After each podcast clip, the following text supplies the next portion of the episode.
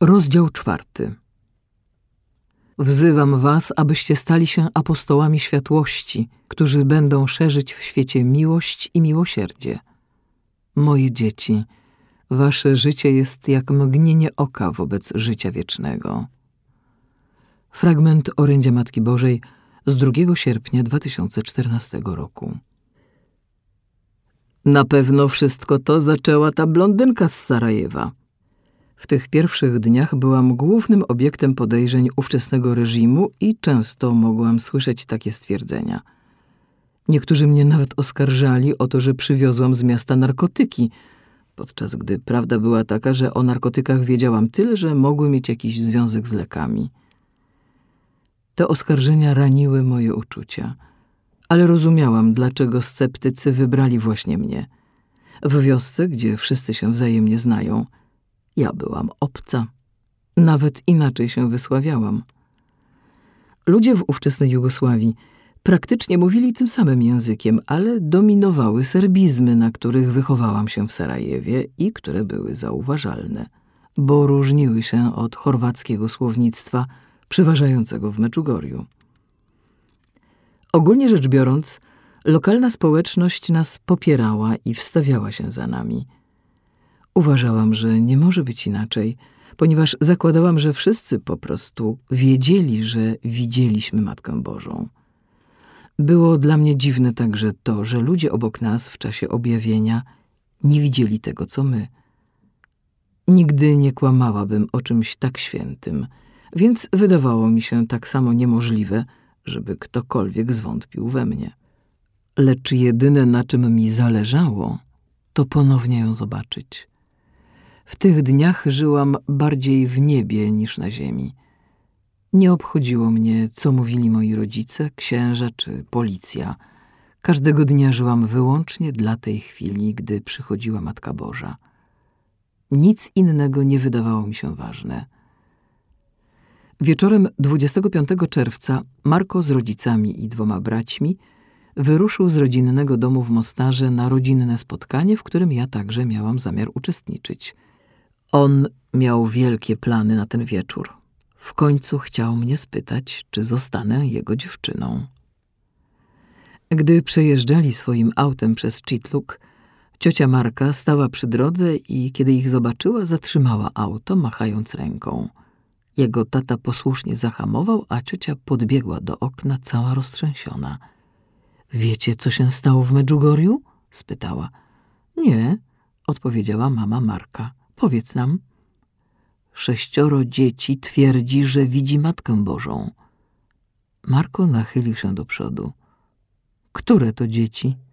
Jego ciocia wymieniła widzących, a kiedy wymówiła moje imię, Marko nagle poczuł ból w brzuchu. Tak było, pomyślał. Naprawdę. Wiedząc, że nigdy bym nie skłamała, od razu mi uwierzył – lecz bał się, że moje przeżycia mogłyby mnie jakoś gwałtownie zmienić i był przekonany, że jego marzenia o przyszłości ze mną nagle wyglądają na nierealne.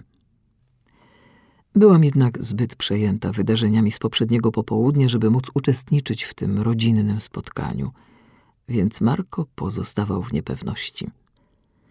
Wujek Szymun, ciocia Slawa i moje kuzynki Spędzili ze mną wystarczająco dużo czasu w ciągu tych lat, by mnie poznać i wiedzieć, że mówię prawdę. Nigdy nie widzieli mnie tak poruszonej, przestraszonej czy pobożnej. Moje kuzynki i ciocia zadawały liczne pytania o Matkę Bożą i uważnie mnie słuchały, gdy ją opisywałam.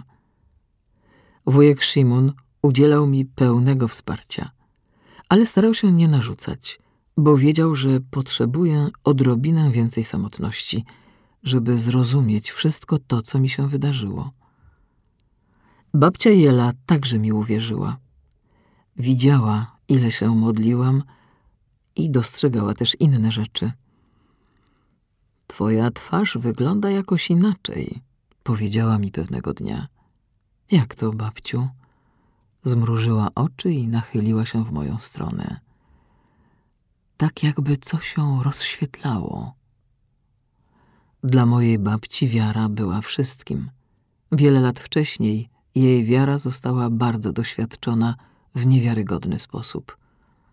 Po II wojnie światowej ona i jej mąż Mate, mój dziadek ze strony mamy, żyli w parafii Medjugorje ze swoją piątką dzieci i, jak większość rodzin w tamtych czasach, uprawiali ziemię i walczyli o przetrwanie w wyjątkowo trudnych warunkach.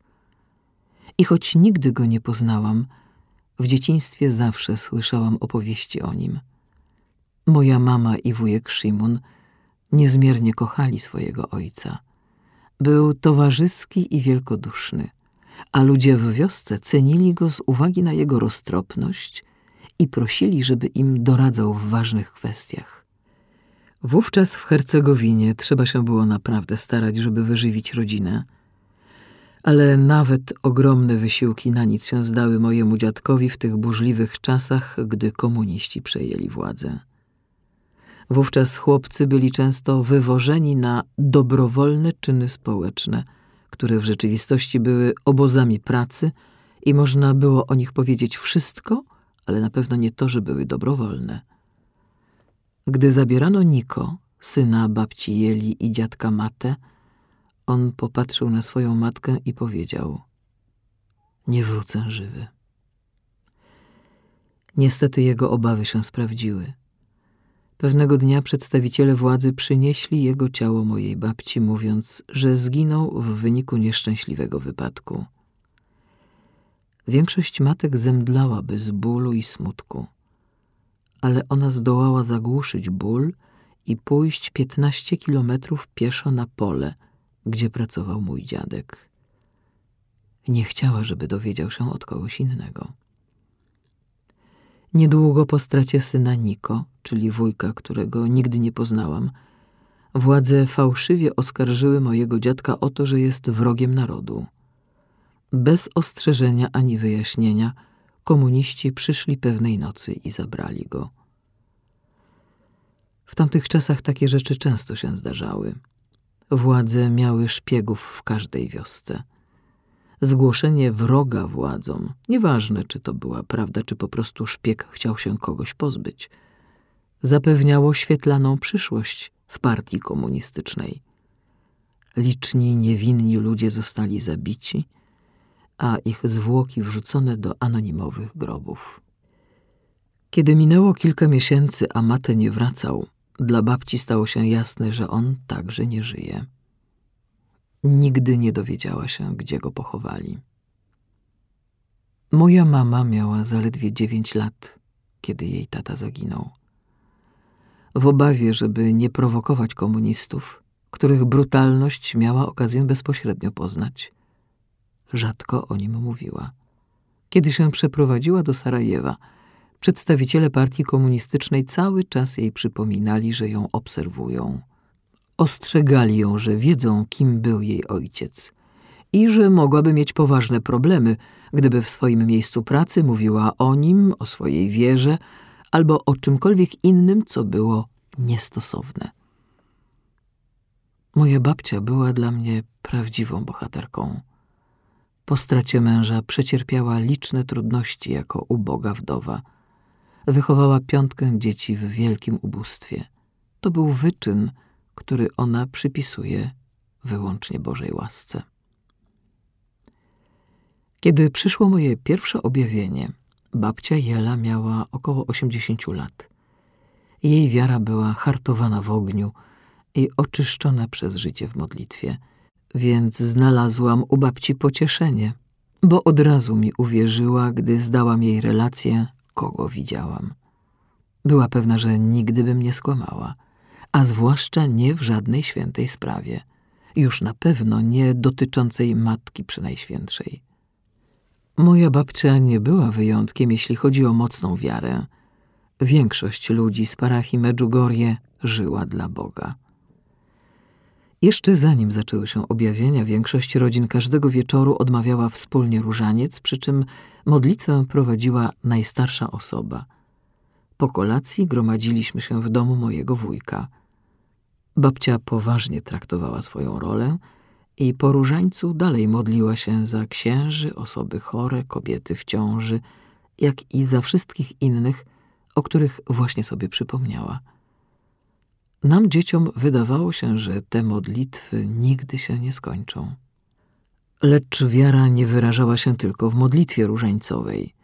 Większość codziennego życia w Medjugorju była związana z wiarą. Ludzie nigdy nie szli pracować w pole w święta, co wiele mówi także o ich wierze, ponieważ pola były dla nich jedynym źródłem utrzymania. Nawet wzgórze nad wioską z wielkim betonowym krzyżem stale przypominało o silnej wierze. Proboszcz ojciec Bernardin Smojan w 1933 roku postanowił z parafianami wznieść krzyż na pamiątkę 1900. rocznicy ukrzyżowania Chrystusa. Nazwa wzgórza została zmieniona na Kriżewac, Góra Krzyża. Dekadę później komuniści zabili ojca Bernardina i innych księży. W pobliżu Medjugorja znajduje się miasteczko Shiroki Brieg, gdzie mieści się wielki klasztor i kościół pod wezwaniem w niebowzięcia Najświętszej Maryi Panny. Księża i bracia, którzy tam mieszkają, członkowie zakonu franciszkańskiego założonego przez świętego Franciszka z Asyżu, pełnią swoją posługę w Hercegowinie już od wielu stuleci. Pomimo okresów intensywnych prześladowań, oni nigdy nie opuścili tutejszego ludu i jeszcze ciągle na tych terenach można zobaczyć Franciszkanów w ich długich brązowych habitach. Parafię Medjugorje prowadzą Franciszkanie. Tutejsi ludzie ze szczególnym podziwem wspominają Franciszkanów, którzy mieszkali w klasztorze w Shirokim Briegu w nie tak odległym 1945 roku. Po zakończeniu II wojny światowej komuniści chcieli wykorzystać władzę i narzucić swoją bezbożną ideologię ludności ówczesnej Jugosławii. Z uwagi na silną wiarę tych ludzi, komuniści znaleźli się w wielkim kłopocie, jak poradzić sobie z tą oczywistą przeszkodą w realizacji ich planów. 7 lutego 1945 roku grupa komunistycznych żołnierzy przybyła do szerokiego Briegu z okrutnym planem. Chcieli wyciąć wiarę ludzi u jej źródła. Musieli więc uciszyć księży, by dać komunizmowi szansę na rozkwit. Przecież Stalin powiedział kiedyś: Śmierć rozwiązuje wszystkie problemy. Nie ma człowieka, nie ma problemu. Potem krążyły różne historie o tym, jak żołnierze otoczyli Franciszkanów z tego klasztoru, a następnie dowódca zaczął krzyczeć: Bóg nie istnieje, nie ma papieża, nie istnieje kościół. Z wściekłością patrzył w oczy Franciszkanom, których ustawił w szereg. Księża też nie są potrzebni. Wszyscy musicie ruszyć w świat i pracować tak jak każdy inny człowiek. Natychmiast zrzucajcie habity. Franciszkanie odmówili i stali tam ze stoickim spokojem. Jeden z żołnierzy podobno zdjął krucyfiks ze ściany klasztoru i rzucił go pod nogi Franciszkanom. Teraz każdy z was musi wybrać, krzyczał żołnierz. Życie albo śmierć. Po kolei każdy z Franciszkanów klękał i obejmował swój krzyż. Żołnierze wyprowadzili ich na dwór, zabili całą dwunastkę i wrzucili ciała do małej groty na dziedzińcu klasztoru. Ciała leżały w grocie przez długie lata, lecz dzisiaj są pochowane na honorowym miejscu w przyklasztornym kościele. Zgodnie z jedną z relacji, pierwszy żołnierz, który otrzymał rozkaz, żeby rozstrzelać Franciszkanów, odmówił. Został zabity na miejscu wydarzeń przed budynkiem klasztoru. Drugi żołnierz podzielił jego los, więc dowódca wydał rozkaz trzeciemu żołnierzowi. Ten później zwierzył się komuś i opowiedział całe to wydarzenie. Nie widząc innego wyjścia, postanowił wykonać rozkaz. Ale kiedy zobaczył spokojnych Franciszkanów zgromadzonych na modlitwie, natychmiast zrozumiał, dlaczego jego dwóch kolegów nie było w stanie tego zrobić. Na chwilę stracił głowę, ale zaraz ogarnął go strach, że jego także zaraz zabiją – podobnie jak tamtych dwóch. Pomyślał, że Franciszkanie tak czy owak zostaną zgładzeni, więc jeśli to on wykona rozkaz zabicia ich, to przynajmniej on jeden pozostanie przy życiu. I zabił tych księży. Minęło kilka dziesięcioleci, a jego czyn nadal nie dawał mu spokoju. Mam ten przerażający obraz cały czas przed oczami. Podobno tak powiedział. Na początku usiłowałem o tym zapomnieć, ale wszystkie moje wysiłki były nadaremne. Od tamtej pory nie mogę spać. Każda noc jest piekłem, z którego nie widzę wyjścia. Komuniści zabili łącznie 34 franciszkanów w Szerokim Briegu, a mniej więcej w tym samym czasie w Chorwacji oraz Bośni i Hercegowinie zgładzono ponad 500 księży. Lecz ich śmierć nie była daremna. Masakra w Szerokim Briegu miała wręcz odwrotny skutek od tego, którego życzyli sobie komuniści. Dodatkowo umocniła wiarę ludzi i potwierdziła ich podejrzenia, że komuniści stanowią prawdziwe zagrożenie dla wszystkiego tego, co oni uważali za prawdę. W takim otoczeniu dorastałam. Jeśli umrzesz dla Boga, będziesz żyć wiecznie, powiedziała mi pewnego razu moja mama. Lecz jeśli powiesz nie Bogu, umrzesz na zawsze. Wtedy jej słowa mnie zdziwiły i zaniepokoiły. Dopiero kiedy dorosłam, w końcu zrozumiałam, co chciała mi powiedzieć. Że nigdy niczemu nie mogę dać pierwszeństwa przed wiarą i że nic w tym życiu nie jest ważniejsze od tego, żeby zasłużyć na żywot wieczny z Bogiem. To zachęciło mnie do zadawania sobie pytań. Gdybym zmierzyła się z czymś takim niewyobrażalnym, czy też broniłabym moich przekonań? Nie miałam wtedy pojęcia, że sama też będę musiała zmierzyć się z takimi pytaniami. Ale kiedy zaczęły się objawienia, stałam się celem tej samej władzy, która zabiła mojego wujka, mojego dziadka i trzydziestu czterech franciszkanów z szerokiego briegu.